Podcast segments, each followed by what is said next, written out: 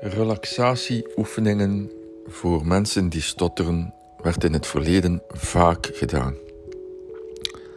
Wanneer ik 12 jaar was, uh, dat is ongeveer een goede 45 jaar geleden, dan uh, moest ik mij op de grond leggen en moest ik de Ferno Horn oefeningen doen. Er waren oefeningen waarbij je bijvoorbeeld zei mijn rechterarm wordt zwaar en warm. En zo moest je dat al een aantal minuutjes doen, 15 minuten doen, om inderdaad in een relaxatiemoed zo te komen. Het gekke was dat inderdaad na zo'n relaxatieoefening, of wanneer we die relaxatieoefening deden, en daarna moest ik zinnetjes zeggen, die zinnetjes er vlot uitkwamen. Maar natuurlijk, als je dan weer in het echte leven stond, als je naar de winkel moest gaan voor een brood of zo, ja, dan was dat niet zo simpel om te zeggen: hup, ik ga me eventjes relaxeren en ik ga het zinnetje vlot zeggen.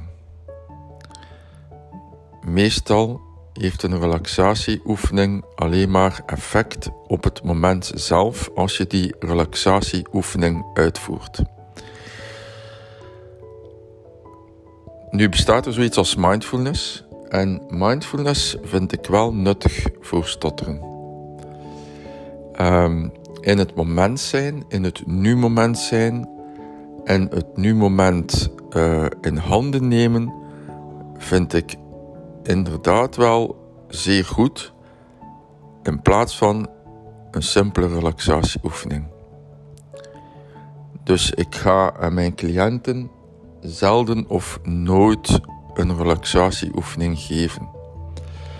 Wel zal ik ze warm maken voor mindfulness. Want mindfulness maakt je bewust in het nu. En het nu-moment is heel belangrijk voor de mens die stottert. Wanneer je in een blokkade zit en je zit in het nu-moment en je ervaart dat nu-moment, en je hebt grip op dat nu moment, ga je daar wel zeer veel mee zijn.